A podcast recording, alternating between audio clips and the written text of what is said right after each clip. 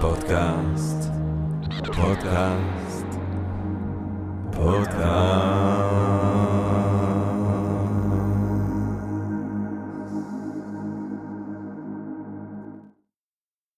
טוב, גבירותיי ורבותיי, ברוכים הבאים לפודקאסט של אה, Think and Drink Different, פודקאסט למי שאוהב לחשוב ולשתות. ותודה גם לסמסון נקסט תל אביב, קרן ההשקעות בתוכנה בשלבים מוקדמים שמאפשרת לנו להקליט את הפודקאסט מהמשחד שלה בשרונה כחלק מתוכנית התמיכה בקהילה, החדשנות והיזמות הישראלית. תודה רבה. אה, מה בין פילוסופיה ומשמעות החיים? ישנה רק שאלה פילוסופית אחת שהיא רצינית באמת.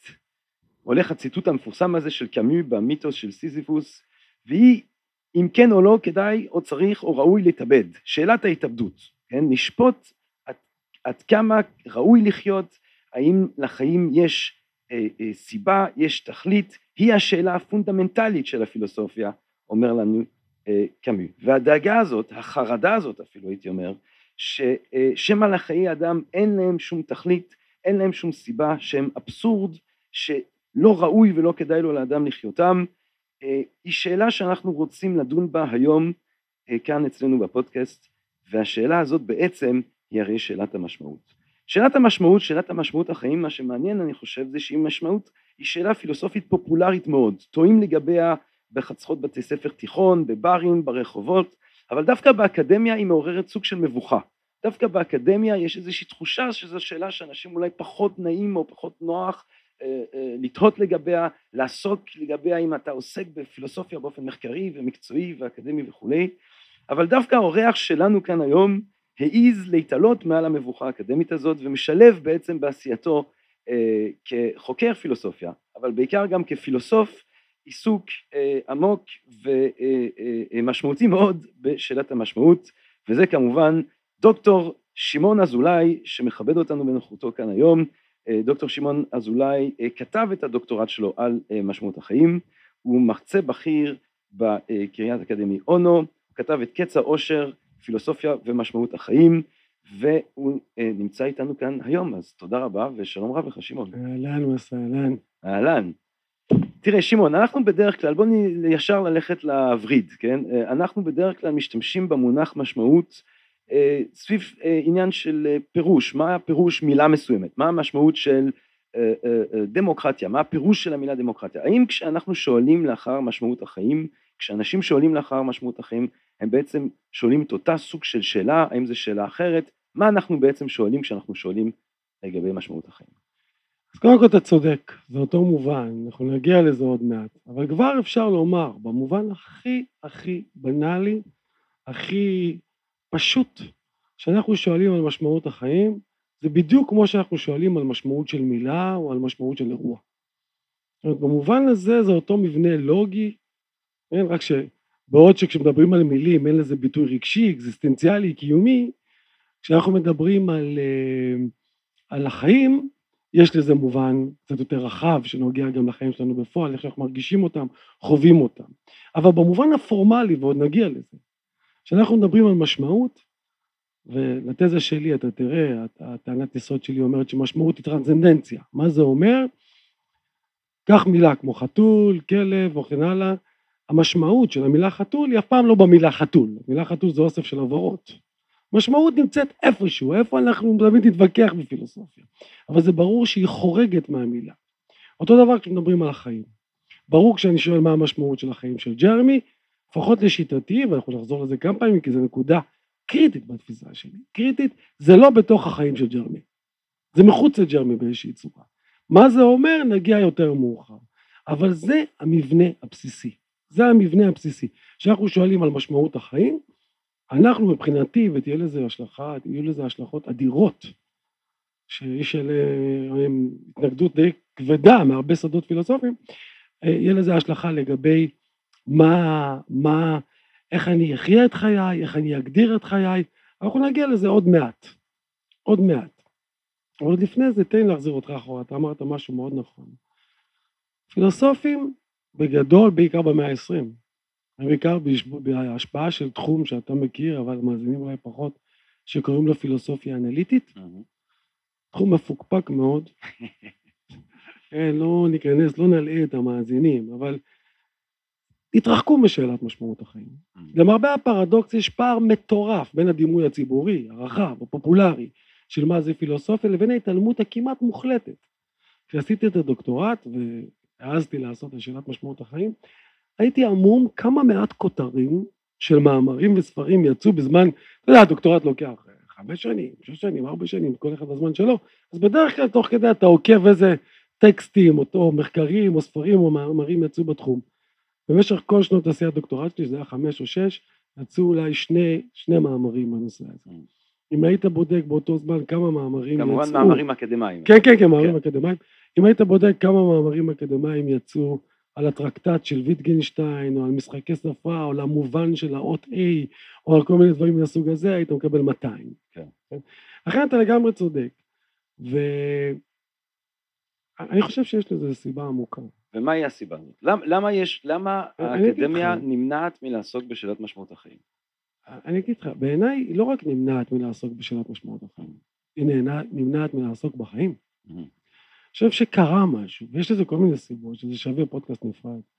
מדוע האקדמיה בכללותה, אבל האקדמיה, הפילוסופיה בפרט, התנתקה לחלוטין מהעולם. בפילוסופיה זה עוד יותר מהותי, כי פילוסופיה בגדול, מי שמכיר פילוסופיה, לא אוהבת את העולם. העולם הוא קונטינגנטי, הוא חולף, הוא... אי אפשר ללמוד ממנו כלום. כל הזמן משתנה, לא... יש פה בני אדם שמוזרים, כן? העולם לא מעניין את הפילוסופיה. Mm.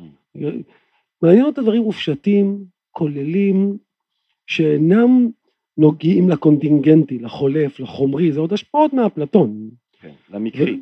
למקרי, ולכן באיזשהו מקום יש כאן לטעמי, אני לא, לא רוצה לומר את המילה כי היא קשה, אבל הייתי אומר נטישה, Mm.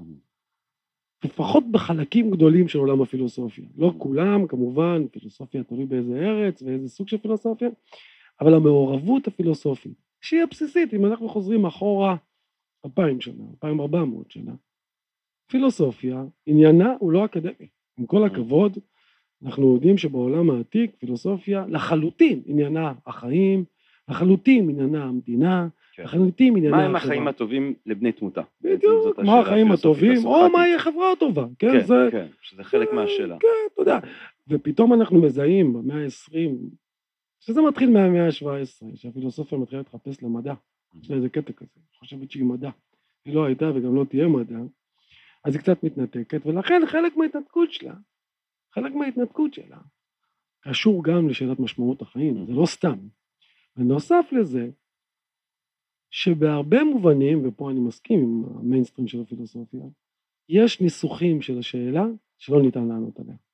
נגיע לזה יותר מאוחר. אז הנה, אני חושב שזו נקודה מעניינת. זאת אומרת, איך בכלל, כדי לקוות לענות על השאלה הזאת באופן פרודוקטיבי, יש לנסח את השאלה הזאת.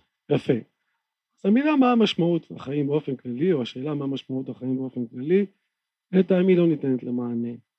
כן, היא מהרבה סיבות, אנחנו לא יודעים מה זה אומר. כי השאלה למה אנחנו מתכוונים בחיים. כן. לתופעת החיים, למה אנחנו מתכוונים כשאנחנו אומרים כן. החיים. כן. השאלה הזאת, אולי יש לה תשובה אגב. היא יכולה להיות תאיסטית, היא יכולה להיות דתית, היא יכולה להיות מטאפיזית, אבל אין לנו תשובה סבירה, ובצדק אין לנו תשובה סבירה, ולכן אני לא נוטה לענות את התשובה הזאת, ואני גם לא חושב שאפשר לענות עליה, משתי סיבות. א', סיבה פילוסופית, של פילוסופיה של הלשון, אנחנו לא כן. כל כך מבינים מה זה לענות, כן. כי לא סתם זה מזמין תשובות כמו 42 של, של, של דאגלס אדמס כזה, כן, ב- כן, כן. מדריך, כי אתה לא יודע למה לצפות. זה, זה, זה מובן אחד שאנחנו אה, בגללו לא יכולים לענות לשאלה, אבל יש מובנים אחרים שבגללם אנחנו לא יכולים לענות לשאלה, ואני, המובן המרכזי שמעניין אותי הוא מובן, בוא נקרא לו ערכי. מה שאדם מצפה כשהוא שומע את השאלה מהי משמעות החיים, הוא למעשה מצפה לשמוע משמעות מובטחת. זאת אומרת, לא משנה מה אתה עושה, יש איזו סטרוקטורה שאומרת שלחייך יש משמעות. זאת אומרת, יש איזה מין, כמו שבסרטים לפעמים, יש לנו איזה רגע כזה, שאנחנו, פתאום הכל מתבהר.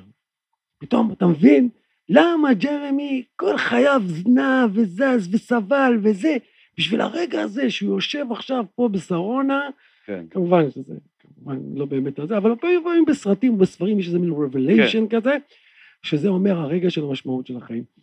זה לא יכול לקרות. זה לא יכול לקרות מבחינתי, מהרבה מאוד סיבות. למרות שיש לנו שאיפה כזאת. יש שיר נפלא של צ'סלב מילוש, שנקרא אה, משמעות, שיר נהדר, שהוא אומר, כשאמות אראה את הבטנה של העולם, הלא מובן יובן, הלא מושג יושג. שזה ביטוי נפלא, כי אתה יודע, יש משהו בבטנה, כן, מעבר לבטנה של העולם, משהו שמחזיק את העולם, שהעמות אולי ידע את זה, אני לא יודע.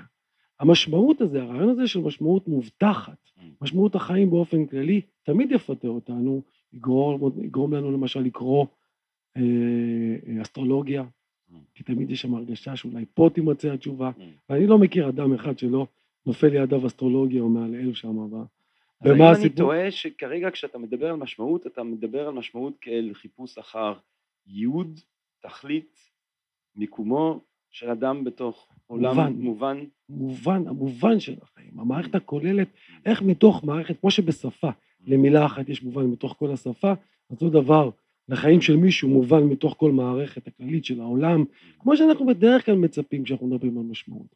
הרעיון הזה של משמעות, אני קורא לו משמעות מובטחת, הוא מבחינתי רעיון לא סביר. אולי יש ואולי אין, ואותי אותי הוא פחות מעניין. אותי מעניין משהו אחר. מה שאני קורא לו משמעות נרקמת. אני רואה בזה סוג של ציווי, סוג של עול, סוג של קטגוריה שלמה, שכשנמצאת בתודעה, והיא אמורה להיות הקטגוריה שמובילה לעיצוב החיים שלך. לכן אני אף פעם, כשאני מדבר על משמעות החיים, אני לא מתכוון למשמעות החיים במובן כללי, אלא אני מתכוון למשמעות החיים של מישהו קונקרטי. זאת אומרת, זה משמעות שמישהו קונקרטי יוצר לעצמו בעולם. הוא יכול ליצור זה לא ויכול... משהו שכתוב לו מראש. לא, לא משהו מובטח, לא משהו כתוב כן. מראש, אם כי יכול להיות דבר כזה, אבל זה לא משנה, לפחות מבחינתי. מבחינתי כשאני מדבר על משמעות החיים, אני מתכוון משמעות החיים של אדם ספציפי, כלשהו, כעול שמוטל עליו, ואגב, בהמשך נדבר על זה, זה עניין אובייקטיבי לגמרי. זה לא סובייקטיבי, אני יכול להסתכל בעולם ולהגיד לך לזה יש משמעות ככה, לזה יש משמעות ככה, לזה יש משמעות ככה, לזה אין משמעות בכלל, לזה יש הרבה ולזה יש קצת. זאת אומרת, זה לא כמו שחושבים שזה כל כך אה, אה, מעופף, אלא זה דבר הרבה יותר מדויק. לכן במובן של משמעות, קודם כל שהמאזינים שלנו יראו באיזה שדה אנחנו פועלים, אין הכוונה לאיזה מין משמעות מטאפיזית, אלא משמעות במובן של המשמעות החיים של אדם ספציפי, כסוג של ציווי, ציווי פילוסופי, כן? כן. של עול של מוטל עליי, כי אין לנו שום דרך, אגב, מבחינה פילוסופית האמת שאין לנו באמת שום דרך, לדעת כיצד מארג חיי ומסתרג או מתחבר לתוך כל מערך הקוסמי. אין לנו דרך לדעת את הדבר הזה, ואני אגיד עוד משהו יותר מזה, רק עוד מילה אחת, גם לא תהיה דרך, ועוד מעט, אם יהיה לנו זמן, אני אסביר גם מה ההשלכות של זה שאנחנו לא יכולים לדעת. ההשלכות של זה הן אדירות ורדיקליות ביותר, ויוצרות בתוך החיים שלנו סוג של מתח שהוא בלתי פתיר. אני רוצה רק להחזיר אותך. למשהו שאמרת לפני דקה בנוגע לבלתי אפשרות של איזושהי תמונה אה, מטאפיזית או אה, אה, קוסמית כזאת שבתוכה אפשר למצוא לכאורה תחושה לפחות של משמעות אובייקטיבית כללית. זה למשל סוג התשובות שאנחנו נקבל ממחוזות דתיים, נכון? בצורה מסוימת. אז תראה, זה בדיוק העניין, אני הייתי נזהר, דת זו מילה גדולה. שיש לה הרבה לפחות גוונים. המסורות המונותאיסטיות המערביות. אה, אה, תראה, גם בדת. צריך להבין שמה שיש זה הבטחה לדבר כזה, אבל אין תוכן לדבר כזה. זאת אומרת, זאת אומרת, אתה למשל אומר למישהו, ספר איוב. שאני באמת את ספר איוב, אני מאוד, זה אחד הספרים ה- המרתקים והמרגשים ביותר שיש בנו. באמת ספר אדיר, כן, שגם אגב קאנט כתב עליו ועוד נכון. הרבה כתבו עליו. איוב עובר את מה שהוא עובר, אז הוא, הוא, הוא מה מעניין אותו? מה מעניין את איוב? איוב, למרות כל הסבל שהוא עובר, מהמם. ולמי שלא יודע מהמאזינים, אולי אני אגיד מילה וחצי על איוב. איוב הוא איש תם וישר ושר מרע וכן הלאה, ואלוהים נורא גאה בו. ויום אחד, פעם בשנה אלוהים יושב עם כל החבר'ה, המלאכים וזה, וגם השטן מצטרף, ואלוהים נורא מתגאה באיוב, הוא אומר לשטן, תסתכל, תראה את העבד שלי, איזה, איזה איש מקסים, וכמה אוהב אותי איוב, והוא אומר מה, אוהב אותך, תן לי מה שאני רוצה, גם אני אוהב אותך. אז אלוהים אומר לו, אוקיי, קלטתי את המבחן שאתה רוצה, תלך, תעשה מה שאתה רוצה, רק אל תפגע בו. השטן הולך ושורף לו את השדות, פוגע, הורג לו את הילדים וכן הלאה, רק באשתו לא פוגע, יש לזה משמעויות פמיניסטיות מאוד מעניינות, ואיוב ממשיך להאמין באלוהים. אחרי שנה הם נפגעים, נפגשים שוב, אלוהים והשטן, הוא אומר לו, אתה רואה, הנה, הוא נשאר נאמן לי ואוהב אותי, ואז הוא אומר לו, ברור, שלא נגעת בו, אז ברור שהוא נשאר נחמד, אז הוא אומר טוב, תפגע בו, רק אל תהרוג אותו, כי זה Game Over, זאת אומרת, ברור כן. שאי אפשר. והוא מטיל עליו שכין, ואז באמת מתחיל הסיפור. וכל הסיפור הוא שיחות. שיחות בין איוב לאשתו, בין איוב לחברים שלו, ובסוף גם בין איוב לאלוהים. שבו איוב מנסה רק להבין דבר אחד. הודיעני על מה תריבני. דהיינו, מה המשמעות של זה? לא אכפת לו שהוא סובל, זאת תהיה נקודה מאוד עמוקה בהמשך. כן. לבני אדם אין שום בעיה לסבול. שוב, אתה מכיר את ניטשה, אז אתה מן הסתם תגיד את זה. סבל ללא סיבה הוא בלתי נסבל. בדיוק. אבל תן לאנשים סיבה לסבל, הם יסבלו בו בליד מחר בבוקר. בלי שום בעיה. כן.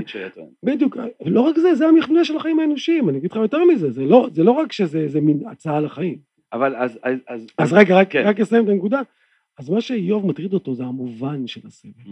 מה, מה המשמעות שלו? Mm. והדבר המרתק הוא כזה, mm. בסוף אלוהים בא ומדבר איתו. הוא לא אומר לו כלום.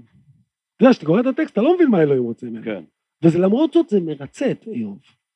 כן, הוא מבסוט, הוא, הוא אחרי שכל הספר הוא מתלונן ורב עם החברים שלו, אלוהים בא ואומר לו אוסף של דברים שאף אחד לא מבין מה הוא מתכוון, ואז הוא מתרצה. למה הוא מתרצה? הוא מתרצה לא בגלל שהוא יודע מה התשובה, אלא בגלל שהוא יודע שיש תשובה. ובמובן עמוק זה העולם של הדתי. אני כל מקום שבו אני פה אני מציע להיזהר איפה הדת הופכת להיות מסוכנת. כשדת יודעת לומר לך את המשמעות היא מסוכנת. לא, דת לא מציעה את זה הרבה פעמים אגב. דת אומרת לך משהו אחד, יש משמעות.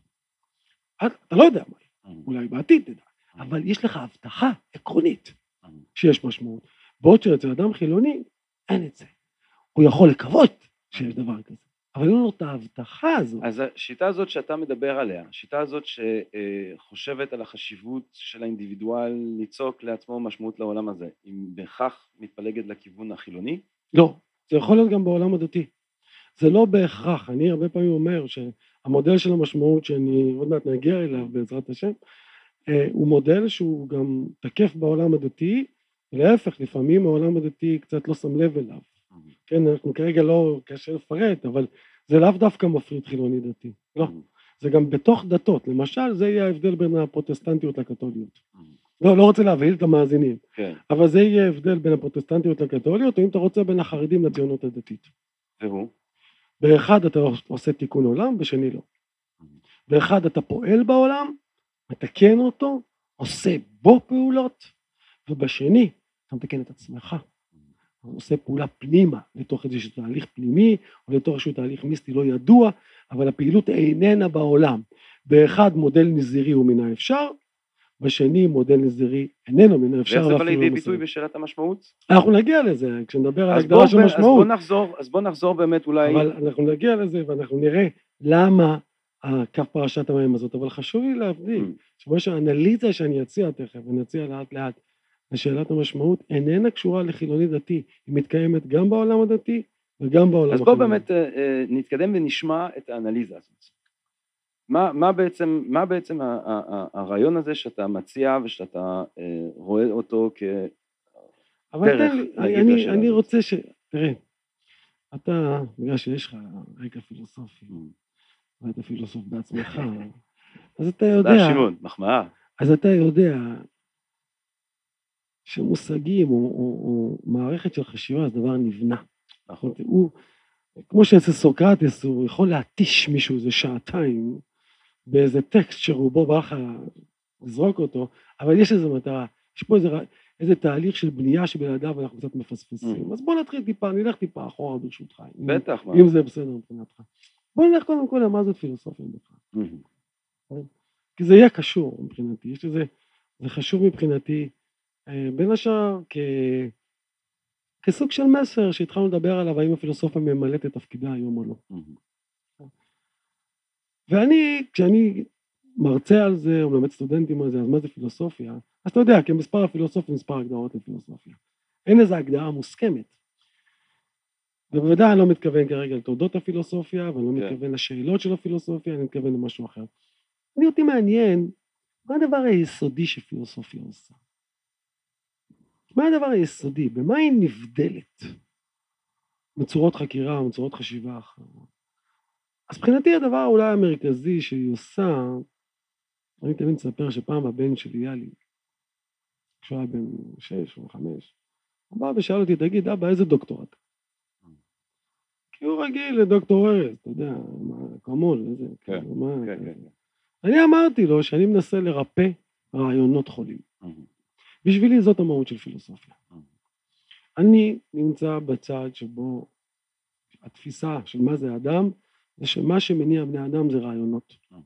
תפיסות, מושגים, תיאוריות, לא כולם חושבים את זה, אבל זאת לפחות העמדה שלי. ומבחינתי, התפקיד העליון של פילוסופיה, ואני לא מכיר שום תחום שעושה את זה, מסוקרטס עד היום, זה הרעיון היסודי של פילוסופיה, זה העובדה שבתוך התודעה שלנו שיש בה רעיונות על כל דבר, יש בה רעיונות על צדק ועל מוסר ועל מיניות ועל חברות ועל כסף ואני לא צריך לספר לך, אבל המאזינים שידעו שכרגע מתרוצצים להם בתודעה רעיונות, תפיסות ותיאוריות על כל מושג וכל דבר אפשרי כמעט. הבעיה היא ש-90 אחוז, בוא לא נגזים באחוזים, אבל רבים מן הרעיונות האלה הם בין המגוחכים למטומטמים, למטופשים ולמסוכנים. זאת אומרת, יש שם המון רעיונות שהם כשלעצמם בעיה. ואם אני לא יושב רגע, וזה תפקידו של הפילוסוף, אנשים בדרך כלל לא עושים את זה, אני עוצר רגע ולוקח את אחד המושגים האלה ובוחן אותו ומנקה אותו, גם כן, במרכאות, מחר יכול להיות שאני אגלה שגם זה לא היה מוצלח, אה, אז יכול להיות שאני מוביל את חיי לאסון. ובשבילי ההתקדמות של התרבות, במהות שלה, זו תנועה כזאת. וגם ההתקדמות של אדם פרטי זו תנועה כזאת. ואני רוצה לתת לך שתי דוגמאות שקשורות למשמעות, ותכף נגיע אליהן. אה, והם יחברו אותנו קצת- כמה קצוות שפתחנו קודם. אחד הרעיונות שאני תופס אותם כרעיונות אה, על גבול המקולקלים או הבעייתיים, זה הרעיון של חירות. חירות זה רעיון טוב, פוליטית, אבל זה רעיון נורא קיומית. למה? למה? תמיד מספר, אתה יודע מי זאת טרייסי קראוץ'? טרייסי קראוץ'.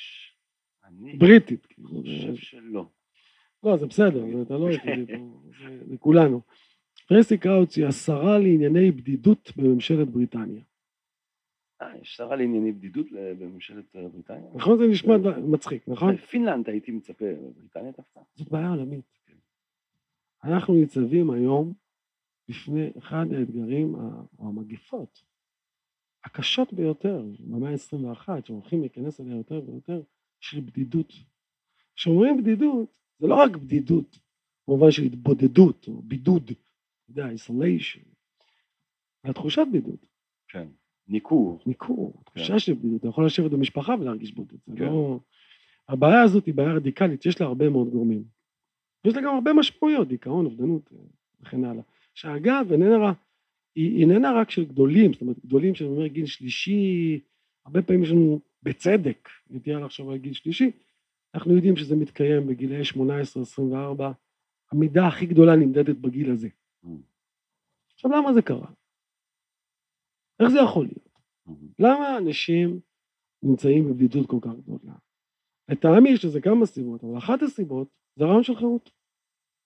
חירות שהוא בא יחד עם סל שלם שקוראים לו אינדיבידואציה ופרט ופרטיות וכל הדברים מן הסוג הזה. שהוא רעיון נפלא, זאת אומרת הוא, הוא קוסם לנו, שאומרים כן. לך, תשמע, הדבר הכי חשוב לך זה החירות שלך. כן. זה, זה, זה נשמע טוב, מהמם. ליברטה, כן, כן. הדבר, אתה... אנחנו לא רוצים את זה. זה טוב לנו פוליטית, גם לא תמיד, תכף נדבר על זה, זה רע לנו קיומית. כי זה אובדן של משמעות, מאוד מאוד עמוק, הרעיון הזה. אני כבר אומר, ואחרי זה אני אגבה את מה שאני אומר, בין חירות למשמעות יש ניגוד. וואי, תפרט. כן, אנחנו נדבר, בשביל משמעות, כן. אנחנו נדבר על זה בהמשך ותראה יותר למה אני מתכוון, מהמם. אבל משמעות מנוגדת לחירות. אני אגיד לך את זה בצורה הכי פשטנית בעולם. בגלל שאתה, לשיטתך, צריך לקשור את עצמך למשהו שהוא... בגלל שמשמעות גדול היא יותר תמיד ממך. חריגה מעצמי. היא מחייבת אותי להיות בקשר עם משהו גדול ממני, או שונה ממני, לא חייב להיות גדול ממני. אני חייב לחרוג, אני חייב להגביל את עצמי באיזשהו צורך, או לתוך עולם הפילוסופיה, לא משנה איזה עולם, אנחנו נדבר על עולמות, אתה תמיד פועל בעולם משמעות מסוים, זה יכול להיות עולם הפילוסופיה, זה יכול להיות זוגיות. זוגיות הייתה ותהיה סוג של עריצות, לא יעזור, לא משנה איך נסתכל על זה. עכשיו זאת לא עריצות שאתה לא אוהב, כן? אבל זה בוודאי ובוודאי ויתור על משמעות, אה, וסליחה, ויתור על חירות. ולכן...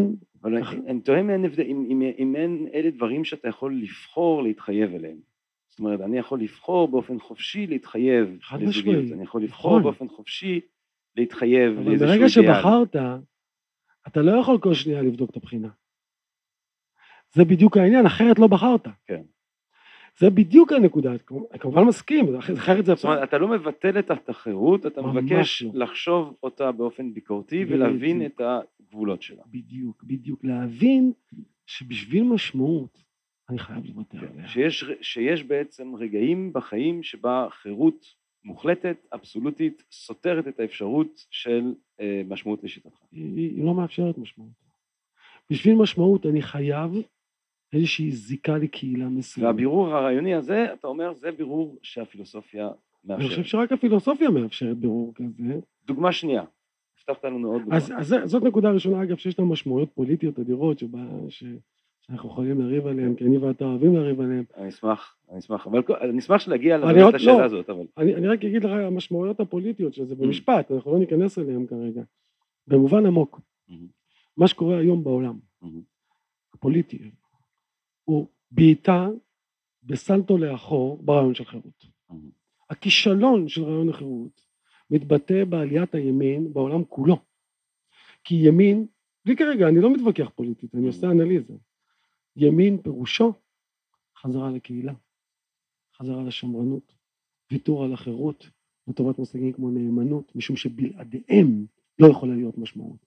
ולכן הימין במובן מסוים הוא הצהרה על ניצחון המשמעות על החירות כרעיון נכון יותר, אנושי יותר ותואם יותר את האדם.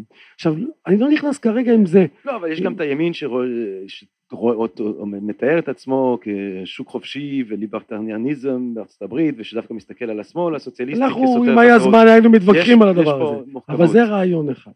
הרעיון המקולקל השני, שהזמן הולך וקצר לנו, אבל בעצם יש לנו זמן, נכון? לא, יש זמן. חיים שלמים, יש לנו חיים שלמים, שמעון. אה, זאת הבעיה שאין לנו. זאת הבעיה. אפילו זה אין? יש עוד כמה שנים. וכמה אתה, אם יורשה לי, סתם אני... 49. לא, אבל עצם הרעיון של סופיות, הוא, אתה יודע, אני לא צריך כן. לספר לך מה המשמעות שם. אז הדוגמה השנייה, אבל הדוגמה השנייה, הרעיון המקולקל השני, הוא רעיון של עושר. שהוא רעיון... זה אני יודע שזה אחד מהדברים כן, שאתה אוהב לעשות, כן, וזה לתקוף את העושר. כן. אתה בא לאנשים, רוצים, מה הם רוצים? בסך הכל הם רוצים קצת אושר, ובא הפילוסוף דוקטור שמעון אזולאי, ואומר להם, די. אני אומר להם, לא רק די, אתם מזיקים לעצמכם, אתם, יש לכם רעיון מקולקל שמוביל אתכם לחיים. ומהו הרעיון המקולקל שם? תראה, הבעיה עם אושר, יש פה כמה בעיות. כן. כן? קודם כל, הטענה שבני אדם רוצים להיות מאושרים היא פשוט לא נכונה. זה לא מה שמעניין בני אדם, ויהיה זמן גם להראה למה. בני אדם מעוניינים בדברים אחרים לגמרי, יש לזה גיבוי גם מהעולם הפילוסופי, גם מהעולם הפסיכולוגי, והרבה שדות. Mm. אנחנו יודעים שבני אדם זה לא הסיפור שלהם, ש... דבר שני, לא ניתן להשיג אותו. לא ניתן, חיפוש אחריו זה חיפוש מרדף מיותר. ואת זה כמובן אתה לוקח, טוב, לא ניכנס לזה, אבל אתה לוקח את זה מאוד, רואים פה את ההשפעה של קאנט על, ה, על אחד מהפילוסופים שאני יודע שאתה מאוד מעריך. נכון, מאוד אוהב, מאוד. שנותן מאוד, טיעונים מאוד משכנעים על כך שה... נכון, יש פה הרבה דברים, אבל רק נסבר את האוזן כן. למאזינים, איפה נמצאת המחלוקת, איפה, mm. נמצא, איפה נמצאת הבעיה. Mm. ההתמקדות, הבעיה עם העושר, זה שהוא מתמקד במה שאני מרגיש. Mm. זאת אומרת, הוא מתמקד בעולם הפנימי. Mm. ואז אני עסוק באיזה סוג של חיפוש או שעבוד לתוך הדבר הזה. Mm. יש איזה גם סכנות חברתיות mm-hmm. וגם סכנות פוליטיות. Mm-hmm. למשל, אחד התחום, התחומים הכי מפוקפקים זה התחום שקוראים לו פסיכולוגיה חיובית. Mm-hmm.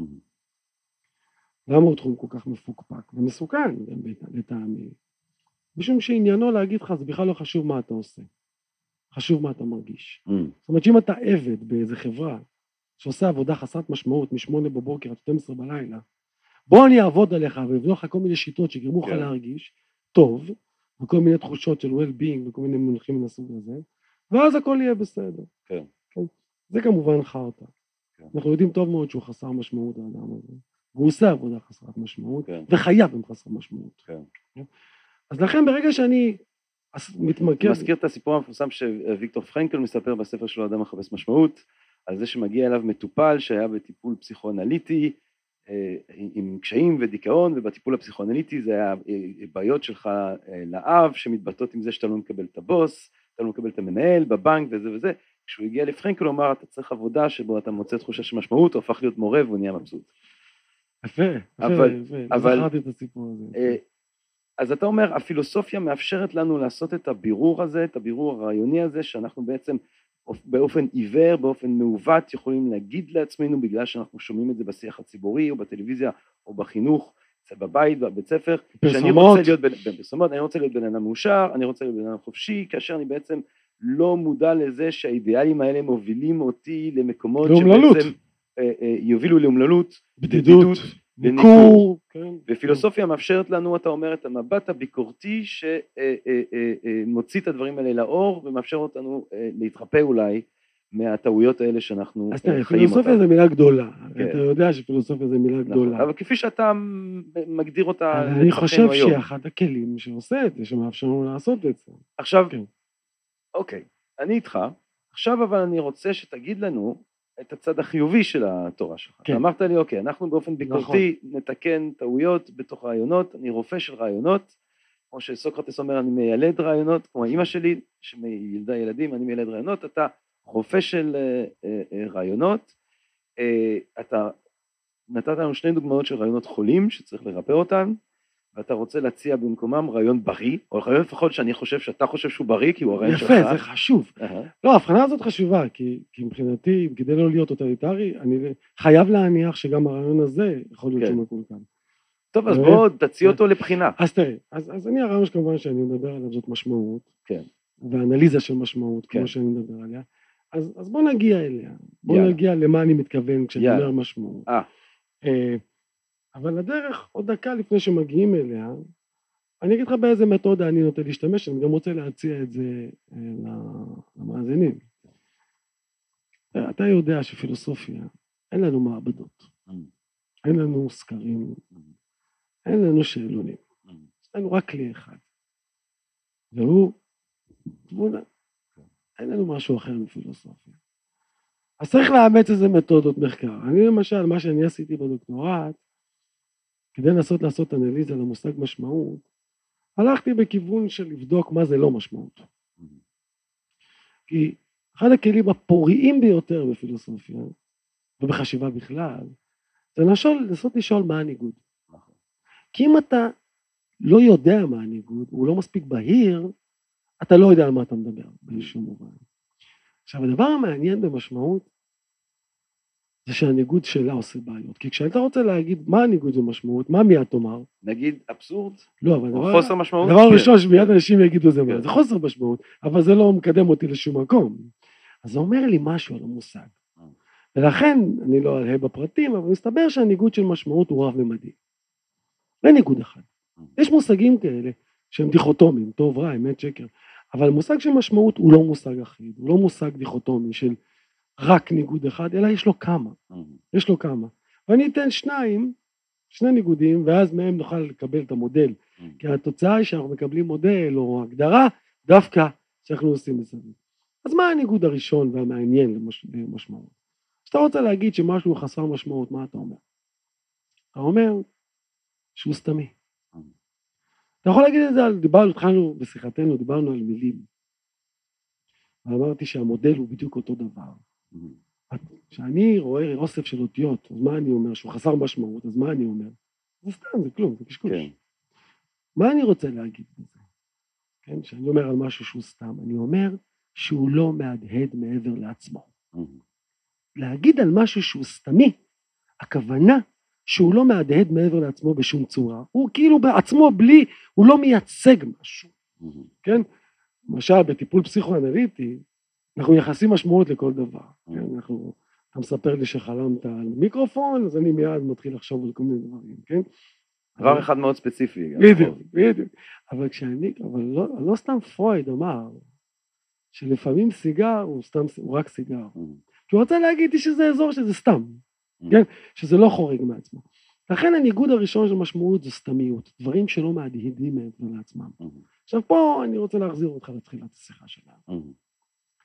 אני אמרתי שהדבר המעניין באנליזה של, של משמעות, בהקשר של משמעות החיים, זה שזה לא אנליזה קוגניטיבית נקייה.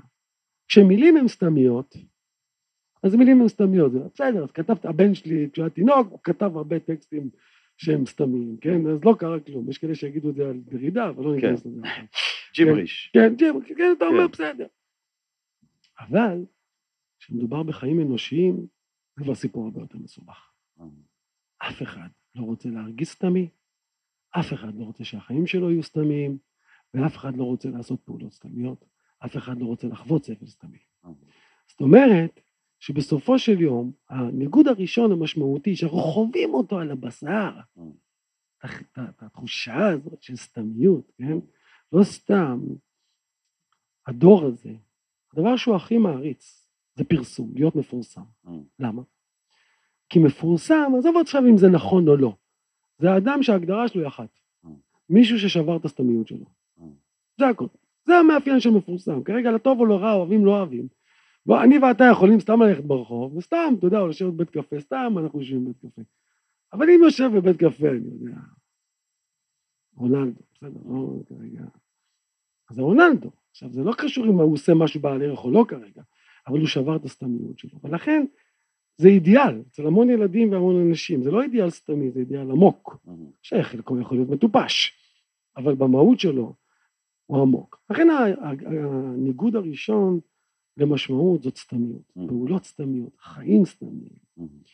הניגוד השני שמעניין אותי למשמעות והוא יקדם אותנו בסופו של דבר מה שאני רוצה, זה invisibility, שקיפות.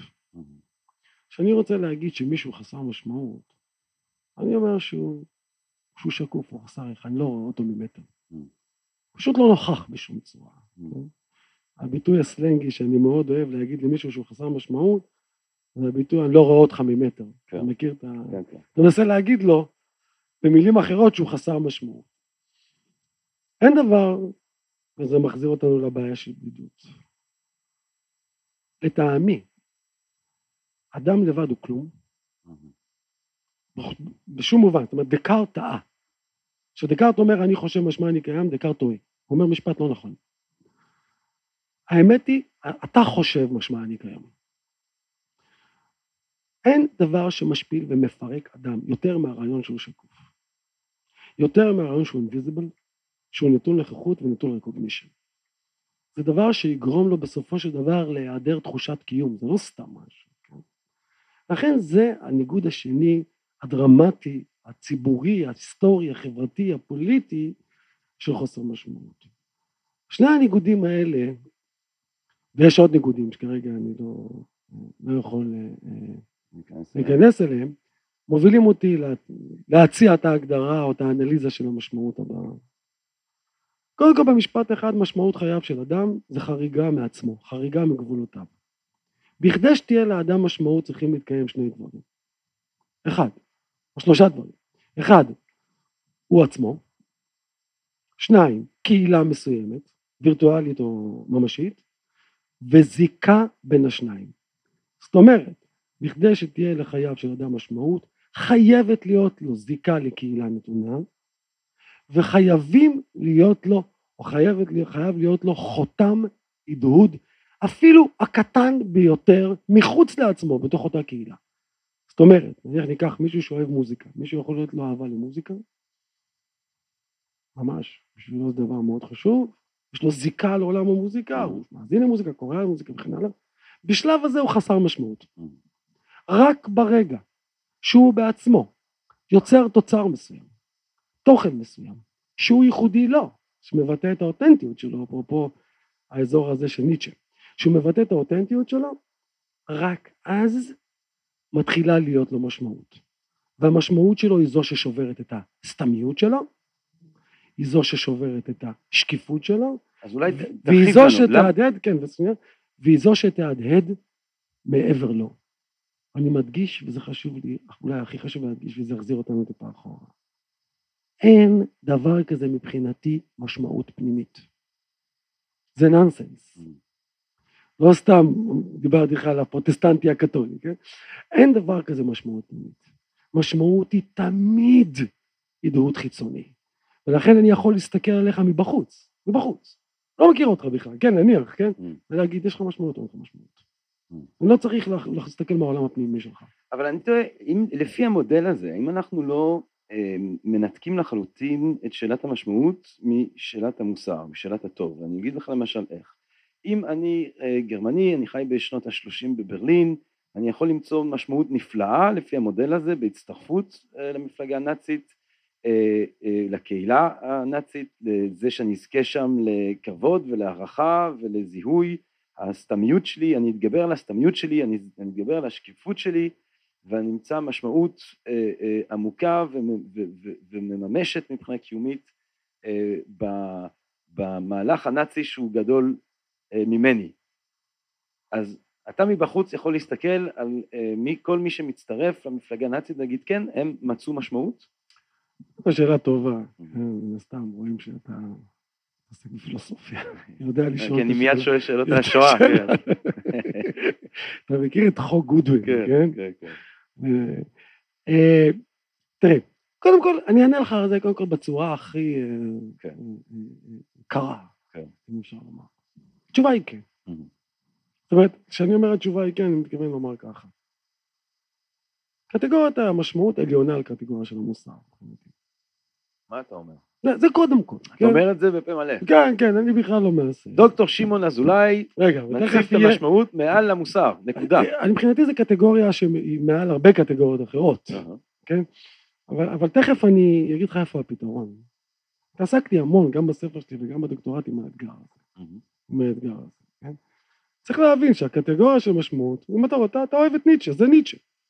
נכון. ניטשה יגיד לך, עם כל הכבוד, הקטגוריות שלך של מוסר הן לא רלוונטיות. אה, לחלוטין. כן. כאילו, ניטשה זה חמוד, זה חינני. החיים מעל לכל אה, קטגוריה אנושית. זה השטויות שלך, נכון. כן, אני כמובן אומר במרכאות השטויות שלך, ברור. אצלנו.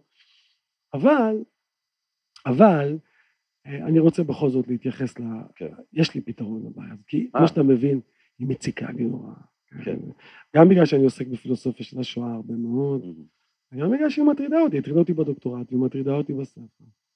אני חושב שיש פה משהו מאוד מעניין, אני אפילו חושב דבר כזה. אני חושב שדווקא הקטגוריה של משמעות והאימוץ שלה יכול להוביל אותנו לתורת מוסר חזקה, קוהרנטית ונטורליסטית, ולפתור את הבעיה הזאת. זאת אומרת, כולי אוזן. אם אנחנו באמת מהמם. נלך עד הסוף עם תורת המשמעות שאני מציע, מהמם. ואני מנסה להראות את זה הרבה פעמים, שהיא כן פותרת, אנחנו נגלה שאם אתה תלך עם זה עד הסוף, כולם יהיו מוסריים, ותרשה לי להסביר למה אני מתכוון. כמובן.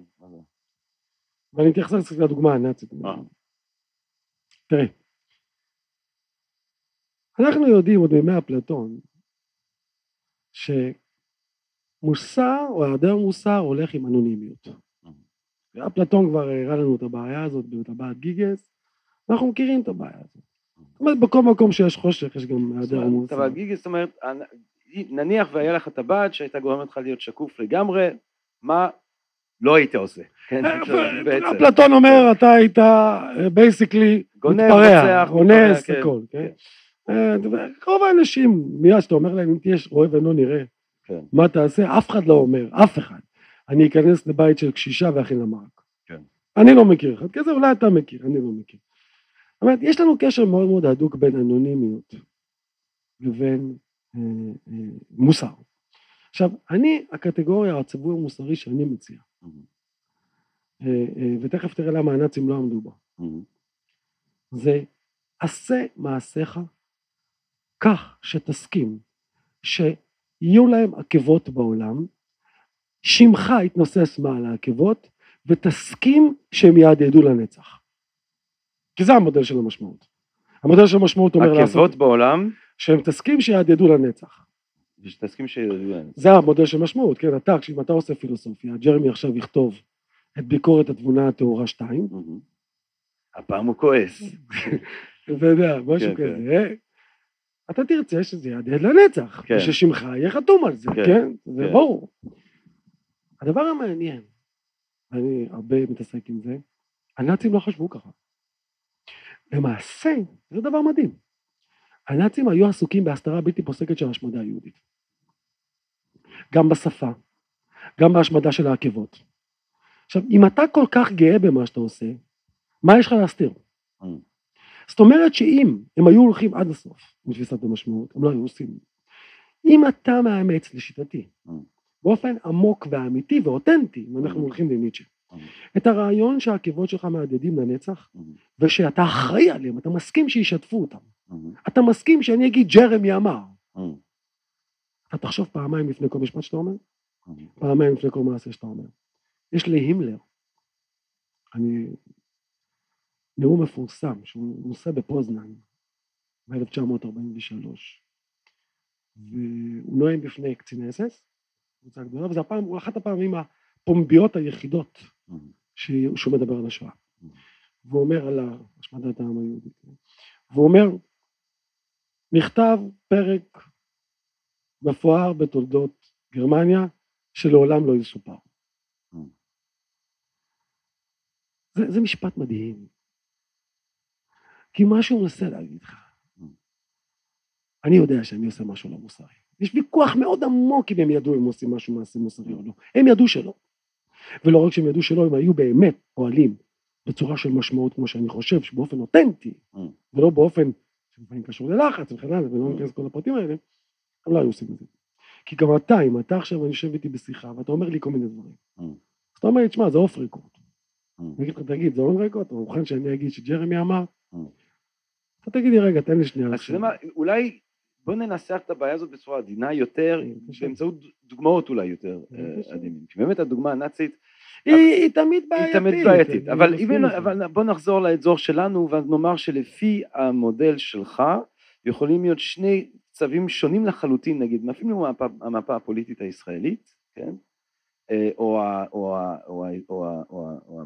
הקונפליקט הישראלי פלסטיני למשל, יכול להיות שחייל צה"ל מרגיש שמשמעות, שיש משמעות עמוקה לחייו בגלל שהיא מוקדשת למשהו שהיא אה, מעבר לו, למדינה, שזה דבר שיהדהד, שאין לו שום בעיה לעמוד מאחורי הדברים, ויכול להיות גם פעל, אה, זה לא מדויק, יש פה עוד כמה תנאים שלא, שלא, אה, אני לא יכול להיכנס אליהם, כן. זה לא מדויק. אה, אבל יכול להיות, יכול להיות גם פעיל, אה, אה, אה, אה, אה, פעיל חמאס שמרגיש את אותם דברים. עכשיו, כן, מבחינת שני- מודל הם באותו מודל, אז- רק השיפוט שלהם לא תמיד הוא נכון. נכון, אבל, אבל שניהם מוצאים מבחינתך משמעות, בצורה, מבחינת המבנה כן, מבחינת המבנה. אבל לא תמיד הם עולים על זה, או הולכים על זה all the way, בצורה הנכונה ובביקורת או בשיפוט הנכון, כן? לא תמיד הם אותנטיים בכלל, לא תמיד זאת החלטה שלהם, לא תמיד זה עקבות אמיתיים של כן. התוצר שלהם. אבל, אבל זה לא- לכל הפחות אפשרי, אפשרי לחשוב כן. מבחינתך קצוות שונות מדיון. מוסרי ודיון פוליטי כמוציא משמעות. קודם כל כן, אבל חשוב לי ש, שנבדיל כאן משהו. כן. אתה הולך רק לאזור שבו אתה, יש לך זיקה לקהילה רחבה וגדולה ממך. זה לא התנאי היחידי, זה אפילו גם לא תנאי מספיק. התנאי המרכזי זה עקבות אוטונומיים ייחודיים שלך. עכשיו בשבילי זה קריטי ביותר, זה לא, זה, יש לזה משמעויות אדירות פוליטיות גם, אם אנחנו הולכים לחנה ארנדט ולהגדרה של טוטליטריות וכל הדברים האלה שאני לא רוצה, המאזינים אולי לא מכירים, אבל יש הבדל של שמיים וארץ בין פעולה אותנטית שהיא ייחודית לי, שמבטאת את התוכן הייחודי שלי, לבין זה שאני פועל כחייל, זה לא תמיד הביטוי הייחודי שלי. למעשה, אם אנחנו מסתכלים על התרבות, אנחנו מסתכלים על ההיסטוריה האנושית. ההיסטוריה האנושית היא תנועה של עקבות של אנשים, היא תנועה של חותם כזה אותנטי של אנשים, וההיסטוריה יודעת לנפות טוב מאוד מה שווה מה לא, פשוט יודעת. יש לה את היכולת המוזרה לנפות.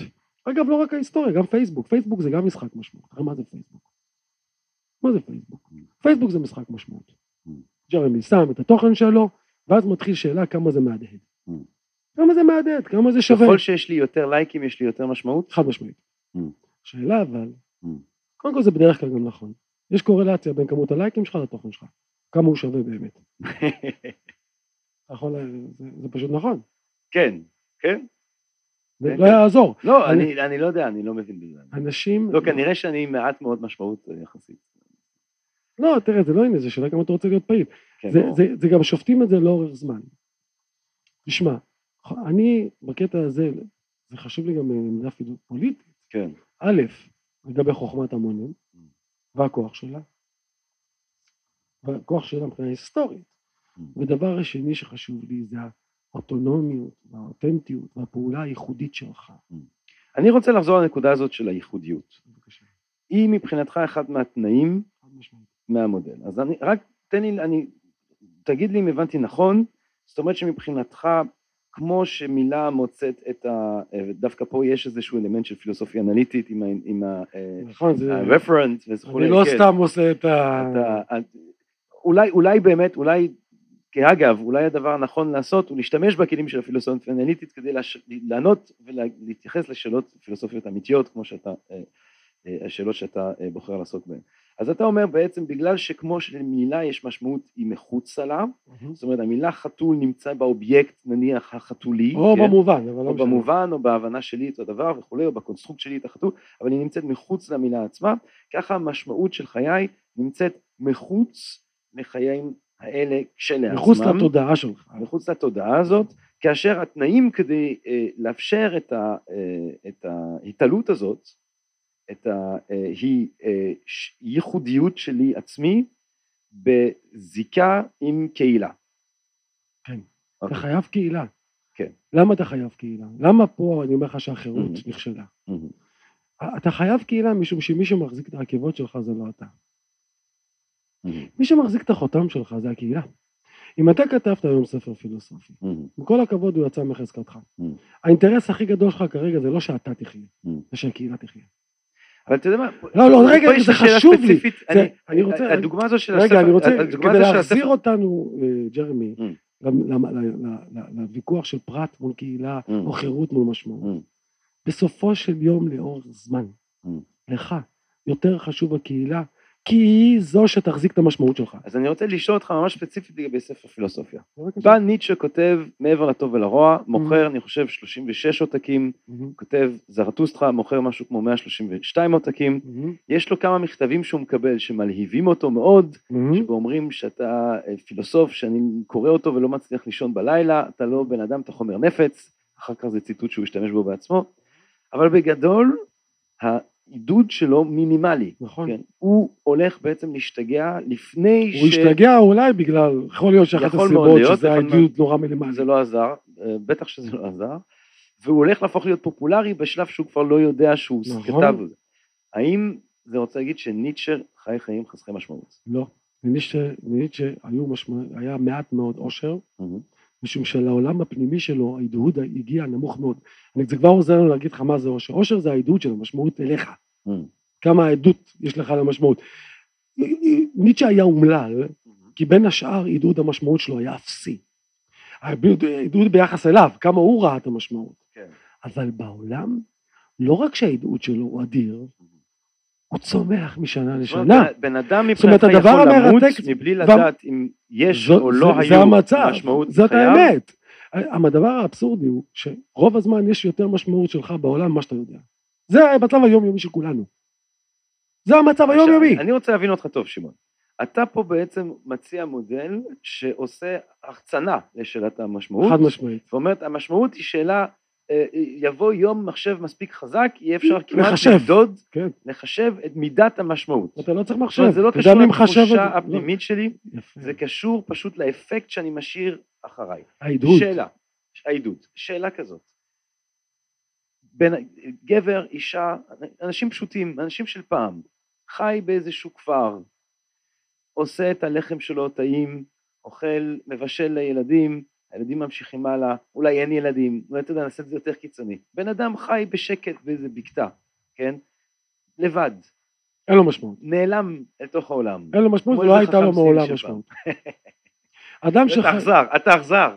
לא, אתה אכזר, ג'רמי, זה לא. בקטע של להיות אכזר. יכול להיות שיש לו הרבה ערך, וגם שלווה. הוא לא יכול לחוות את חייו כמשמעותי. לא, הוא יכול לחוות אותם בהרבה אופנים, אבל אני לא הייתי משתמש פה במילה משמעות.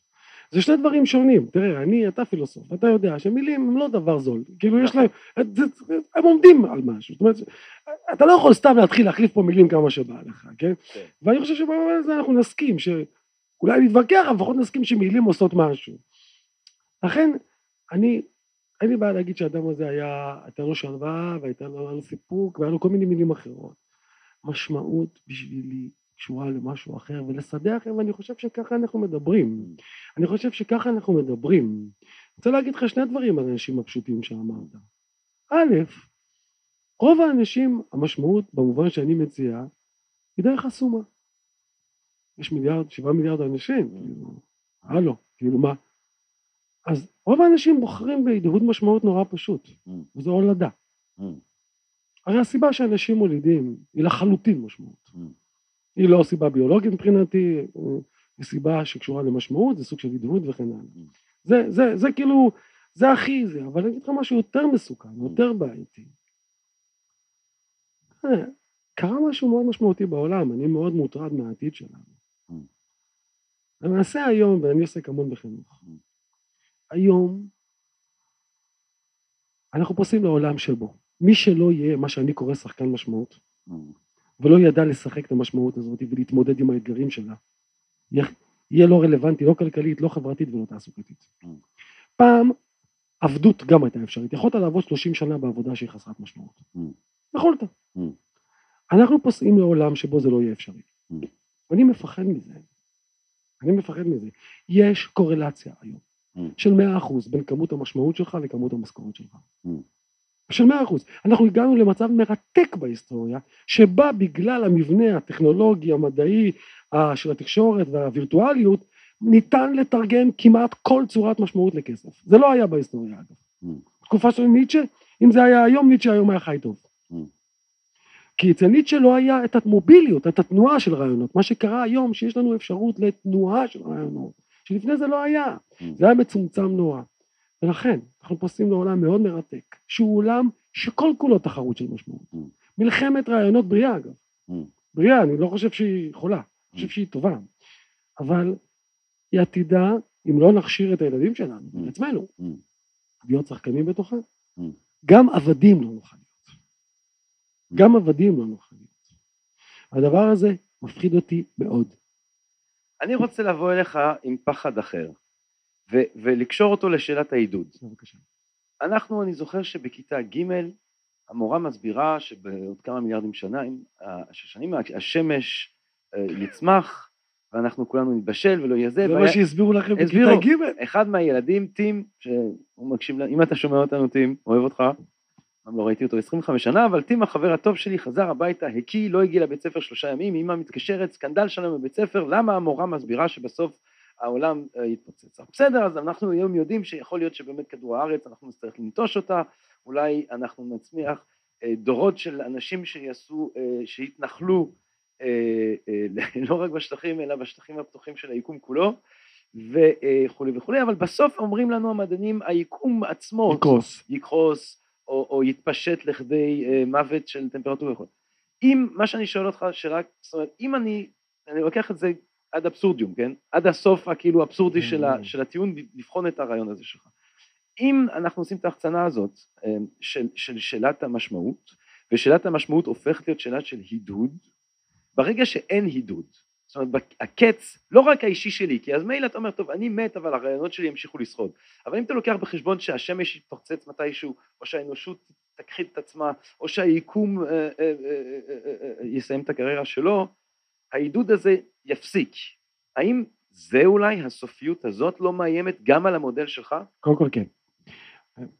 במובן הטהור לוגי של המילה. כן. אבל במובן הקיומי זה חסר ערך. אף אחד Mm. לא אה, לוקח אמירה כזאת, או טענה כזאת, או היפותזה כזאת, למעט אם הוא קצת לא מרגיש טוב, והופך אותה לבעיה קיומית. המבנה של המשמעות הוא הפוך. המבנה של המשמעות הוא תקווה. שאתה מייצר תוכן ייחודי שלך במעגל נתון, יש בך תקווה להדהוד הולך וגובר. האם ההדהוד הזה יצליח? אתה יודע, אולי כן ואולי לא. לך זה מספיק. לך מספיקה המחשבה שמדי פעם אולי תהיה מוזנת על ידי משהו מהמציאות שלא תהיה תקווה לא רציונלית, כן? כי יש דבר כזה תקווה לא רציונלית. ולכן זה שמתי שהיא אולי לא תהדהד, אגב אתה הולך ליד סוף השמעת, אה, סוף אה, אה, ההיסטוריה והיקום, מי צריך סוף ההיסטוריה Mm. והיקום? רוב האנשים העדות שלהם מפסיק אחרי דור אחד. נכון. מה אני צריך פה? אבל זה לא משנה. מהסיבה שכשאני עושה משמעות, יש בי תקווה לעידוד, כי המודל של תוכן זה שיש בו פוטנציאל לעידוד אינסופי, וזה מספיק לי. אני לא, אני תמיד שופט תוכן באם הוא ניתן לפוטנציאל של עידוד אינסופי. שם הסיפור הגדול. ואם הוא כזה, זה מספיק לך. עכשיו, עוד נקודה שקשורה לזה. אני אוהב לקרוא לזה משחק משמעות. Mm. למה? אחת הסיבות שיש משהו במשחק שכשאתה משחק לא אכפת לך מה קורה מחוץ למשחק. אתה משחק דמקה, לא אכפת לך שמתישהו המשחק ייגמר, מישהו בחוץ יבוא ויגיד לך בוא'נה, מה אתה משחק דמקה? עוד שעה אתה הולך לעבוד, כן? Mm. זה לא מעניין אותך כי יש משהו בחוקיות הפנימית. אותו דבר במשמעות, כשאתה עושה משמעות בתוך עולם נתון מסוים, בתוך קהילה, Mm. אתה לא יוצא מחוץ לקהילה. Mm. העיקר בשבילך זה שאתה משחק. זאת הסיבה אגב, שאין לך שום בעיה שיש טובים ממך. Mm. כשהיינו ילדים והיינו משחקים כדורגל, אני לא יודע ג'רמי אם שיחקת כדורגל. בטח. בעיקר לא- ישבתי על הספסל האמת. אני חושב שזו התקופה. שהפכתי לפילוסוף. אז אה, אני הייתי שואל, כי לשנינו היה זמן לחשוב. כן. אז, אז אני, תמיד הדהים אותי הדבר הבא. ילדים שבאים, כמוני, כמוך, שבאים שוב ושוב למגרש, Mm. למרות שהם לא יודעים שהם לא הכי טובים, Mm. והם כזה הספסל, ולפעמים משחקים ולפעמים לא, Mm. ולפעמים מקללים אותם. Mm. מה מוביל אותם שוב? מה שמוביל אותם זה הרעיון שאולי הם ישחקו. Mm. משום שברגע שאתה נמצא במשחק משמעות, Mm. לא אכפת לך שיש טובים ממך. Mm. ממש כשם שכשאתה עכשיו פילוסוף, זה מעניין העניין הזה של הפוטנציאל. אני אגיד לך משהו, אה, אה, אני רואה שאנחנו לאט לאט באמת אה, הולך ומסתיים הזמן, אבל אני רוצה שתיים שלוש שאלות, לבחון את הדבר הזה, כי אתה, אני אוהב את זה שאתה אומר דברים שהם שונים מאוד ממה שאנחנו שומעים בדרך כלל. ואחד מהדברים שאנחנו שומעים בדרך כלל זה למשל שהדרך לחיים טובים.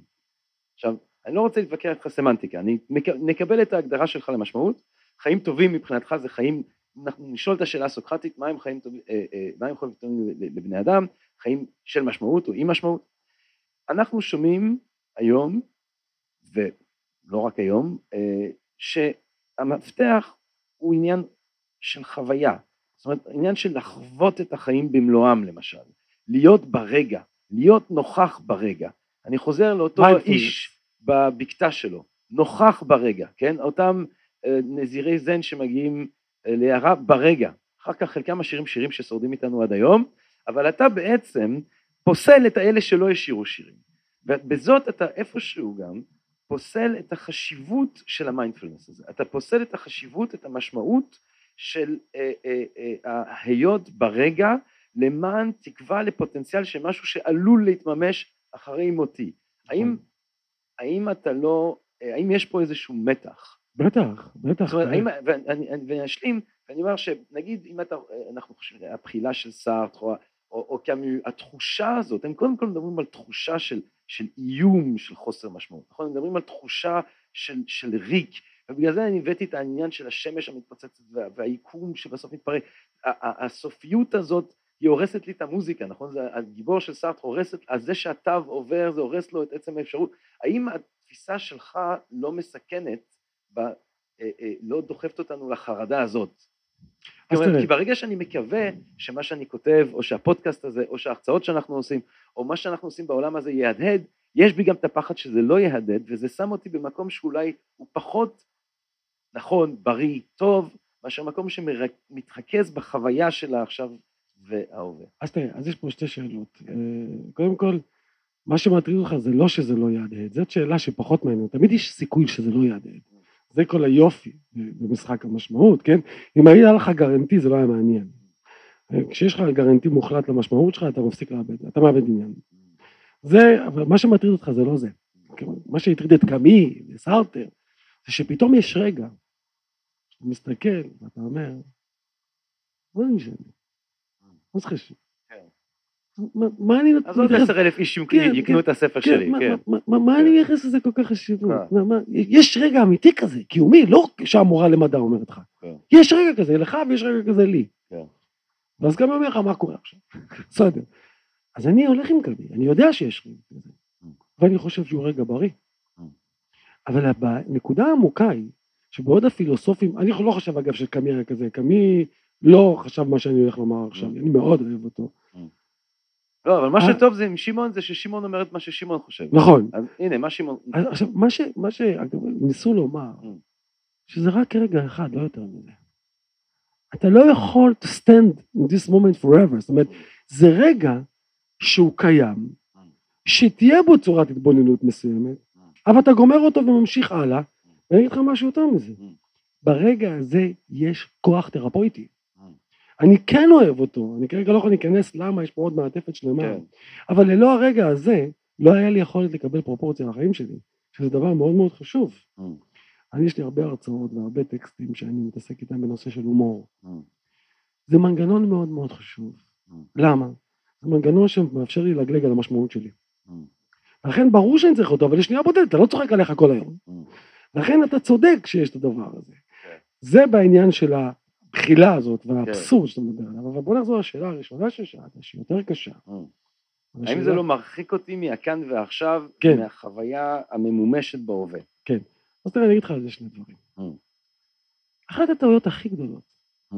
זה שאנשים חושבים שיש מובן להווה כשלעצמו. כן, יש איזה מין אגדה. אה, מין סיפור כזה. כן, אם יש לנו זמן לספר, אתה יודע, על ההוא שיושב בחוף. ודג שני דגים, ו- ועובר לידו איזה איש עסקים כזה, Mm.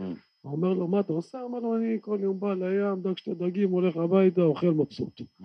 אומר לו, מה, אתה דפוק? מה, אתה תדוג אה, ארבע שעות, ותדוג יותר דגים. אומר לו, ואז מה? אומר לו, תמכור חלק, תקנה רשת. אמר, כן, ואז מה? ותיקח את הרשת, תדוג יותר דגים.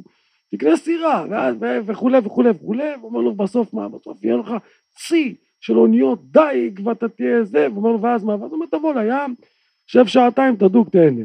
הוא אומר לו, זה מה שאני עושה עכשיו. אז הרבה פעמים מספרים את זה כדי להראות שזו אותה חוויה. כן. זה לא נכון. זה לא נכון ששני אנשים באותו מצב, באותו רגע נתון, חווים את אותו דבר. אם ההוא, הדייג.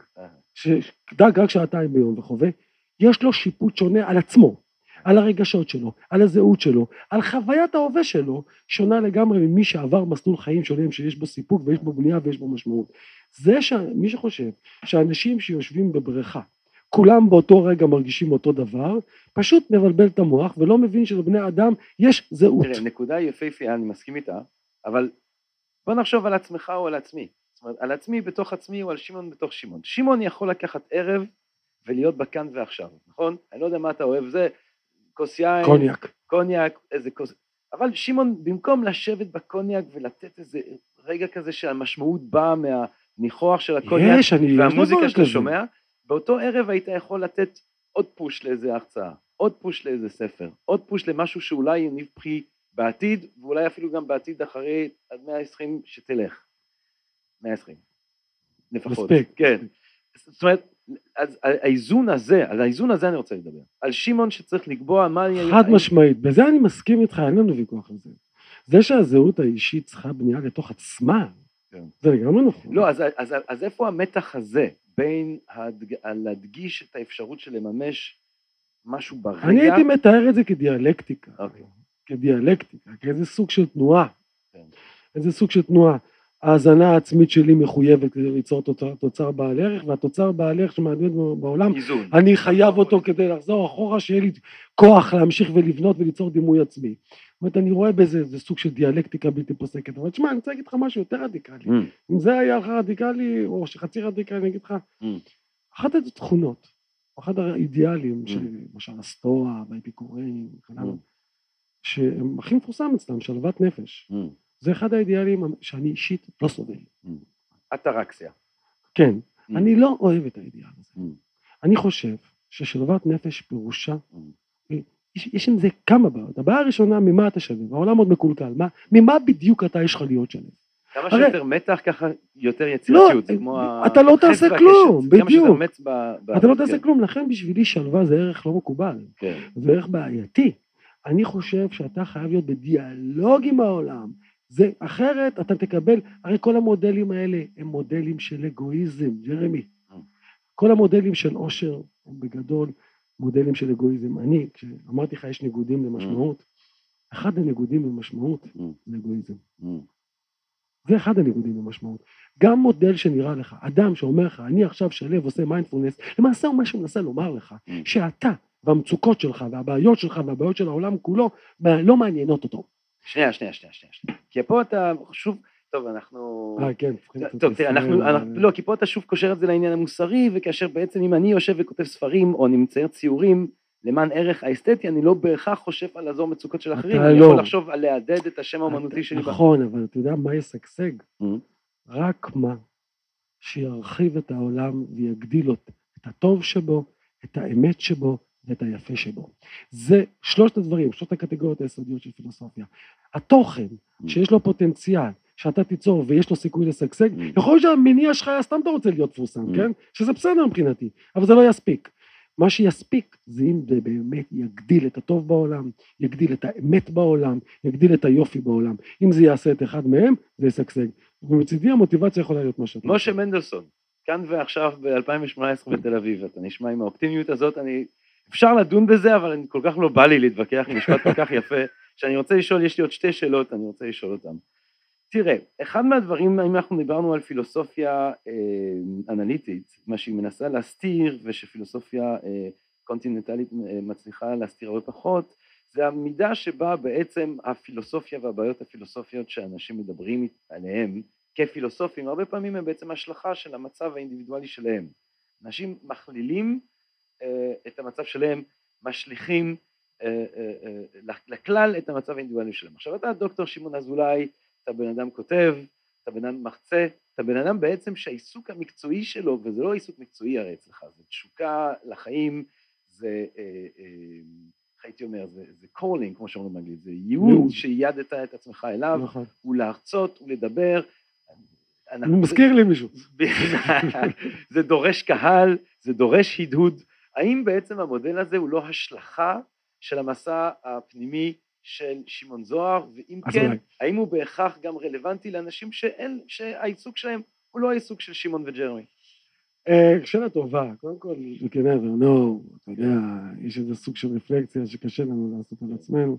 אין לי ספק שיש בזה גורמים אישיותיים שקשורים אליי, זאת אומרת, אני, אין, אין לי שום ספק שיש בזה. אבל זה לא, אני לא מסתכל רק על עצמי. אני מסתכל על העולם סביבי. אני חושב שזה קשור לכל כך הרבה שדות. זה לא רק קשור לשדות של תנועת הידע, של תנועת הרעיונות, של פלורליזם, של ריבוי וכל הדברים, זה קשור לכבוד האדם.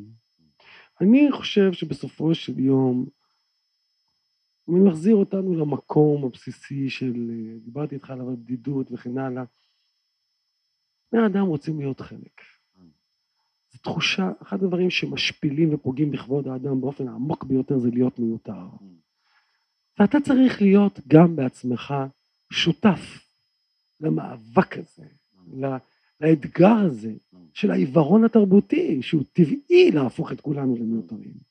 ולכן אני חושב שזה לא, זה, זה שאני מסתכל על העולם סביבי, שאני מסתכל על מה זה לבנות משפחה, מה זה לבנות קהילה, זה בסופו של יום אנשים עושים את זה כי הם מחפשים מקום שבו הם לא יהיו מיותרים, מקום שבו יהיה להם נוט אחד קטן שהוא שלהם. הוא לא חייב להיות גרנדיוזי, אבל הוא צריך להיות מסוים, תו אחד. תו אחד, תו אחד שורה תו. אחד. ואז אני אשאל אותך את השאלה האחרונה, ואני שואל אותה ש- שאלה אחרונה, כי מבחינתי זו השאלה הראשונה של הפודקאסט הבא, שאני אשמח שתבוא אליו, ואז ננהל את הריב שלנו על המשמעות של תבונה ונאציזם וזה, שזה ריב שאני אשמח להמשיך לריב איתך, אבל אתה נתת פה בעצם מודל שהוא דורש איזשהו סוג של יכולת חשיבה מופשטת, אנחנו מדברים על אה, אה, סטרוקטורה פילוסופית תבונתית. אתה אמרת, אנחנו בפילוסופיה יש לנו תבונה, ואני ניגשתי בדוקטורט שלי לחקור את השאלה הזאת, הייתי צריך לחשוב על מתודולוגיה, אבל אנחנו מתחילים מהתבונה. ואנחנו יודעים שהתבונה בהגדרה הצרה, עכשיו אני בעצם לוקח את הצד שלך קצת בריב שלנו, אבל בהגדרה הצרה שלה אה, במערב, היא דבר מאוד מסוים. נכון. ויש אה, אה, אנשים שהם אה, פחות תבוניים, נכון. שהחיים שלהם לא, שהם לא קוראים, שהם לא כותבים, שהם לא אולי הוגים בצורה ביקורתית על המסורת שלהם באופן כזה או אחר, אנשים יותר שמרניים נגיד, אני לא צריך זה.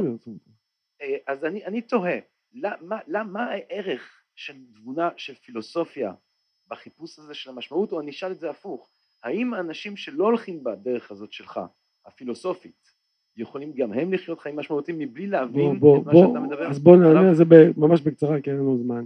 אה, אה, בוא נבדיל במה אני עושה כפילוסוף מהמם, לבין מה בני אדם עושים ביום יום. מהמם, הם לא אמורים לעשות את זה. הם אמורים לעשות משמעות. כל אחד בדרכו שלו. להפך, ריבוי תבונה באזור הזה הוא לא בריא. זה נכון שיש הרבה הדהוד של משמעות באזור התבונה. זה נכון שתבונה במהות שלה היא שדה של משמעות שמאפשרת הרבה מאוד שדות של משמעות של תחומי מדע שונים ותחומי ידע שונים. אבל מישהו יכול לעשות משמעות גם באמצעות כתיבה של שיר, באמצעות נגינה, מוזיקה, באמצעות אה, מעשה אנושי למען מישהו, באמצעות יצירה של מוצר יוצא דופן. או הורות. כן. אני לא צריך שכל בני אדם יהיו בישול. פילוסופים. אני, כשדיברנו על הפילוסופיה מבחינתי זה תהליך שבו אנחנו בוחנים משהו לזמן קצר. כן. אחרי זה, איך אמר, מסתיים אה, התאודיציה של אה, הקנדיד של וולטר, שהוא צוחק על התאודיציה, בוא נלך. לעבוד את גננו, כן. כן? אה, יש רגע שאתה גומר, אתה הולך לעבוד, מה זה אומר? הולך לעשות משמעות. זאת אומרת, רוב בני אדם, אין עניינם כל הזמן לחשוב משמעות. יש עניינם לעשות משמעות. ממש. אני, שעוסק בפילוסופיה, אז מן הסתם השדה שלי הוא פה פלוס האנליזה של זה. אבל רוב בני האדם בעולם עושים תרופות חדשות, שזה משמעות, עושים מוצרים חדשים, עושים שירים חדשים, עושים בישולים חדשים, זה כרגע לא משנה. הריבוי של העולם הוא ריבוי של משמעויות. ולמעשה, מחזיר אותנו לפוליטיקה ונדבר עליה בהמשך, בשבילי, המבחן העליון של כל מערכת פוליטית זה עד כמה הוא מתיר את הפלורליזם של משמעות. אם הוא מתיר את זה, הוא שווה בעיניי משהו, אם לא, הוא לא לגיטימי. ובמילים האלה, חוץ אם אתה רוצה לתת לנו. אם חשבת על, על, על סיכום דווקא אה, יותר, דווקא אנחנו הסיכום הוא שהיה לי. כיף. היה לי ממש. כיף, תודה רבה לך. דוקטור שמעון אזולאי, אני הייתי אה, ג'רמי פוגל כאן בשיחה עם אה, שמעון אה, בפודקאסט של Think and Drink Different, ובהזדמנות זאת תובל מבקש שאני אציין שתבואו כולכם וכולכן לערב של שמעון ושלי בקנטה, ב-28 בנובמבר, אנחנו נדבר על דקארט, קאנט וניטשה. אה, בכל מקרה, אז אני אה, מקווה שנהניתם מהשיחה הזאת, אה, לפחות כמו שאני נהניתי ממנה, ומאחל לכולם שיהיה לכם המשך יום או ערב או בוקר מלא במשמעות, בהדהוד ובזיקה לקהילה. שיהיה לכם כל טוב, תודה רבה, ולהתחרות. נתראה בפעם הבאה.